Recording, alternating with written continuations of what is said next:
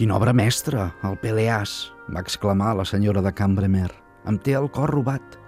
Acostant-se cap a mi amb els gestos d'una dona salvatge que m'hagués volgut fer moixaines, amb l'ajut dels dits per picar notes imaginàries, es va posar a cantossejar alguna cosa que vaig suposar que per a ella era el comiat de Peleàs i va continuar amb una vehement insistència com si hagués estat important que la senyora de Cambremer em recordés en aquell moment aquella escena o potser em mostrava més aviat que se'n recordava. Em penso que és més vell encara que Parsifal, va afegir, perquè a Parsifal s'afegeix, a les grans belleses, un cert halo de frases melòdiques, és a dir, caduques perquè són melòdiques.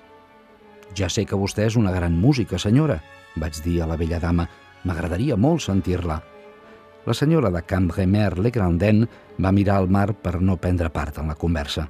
Jutjant que el que agradava a la seva sogra no era música, considerava el talent pretès, segons ella, i en realitat dels més notables que li reconeixien com un virtuosisme sense interès.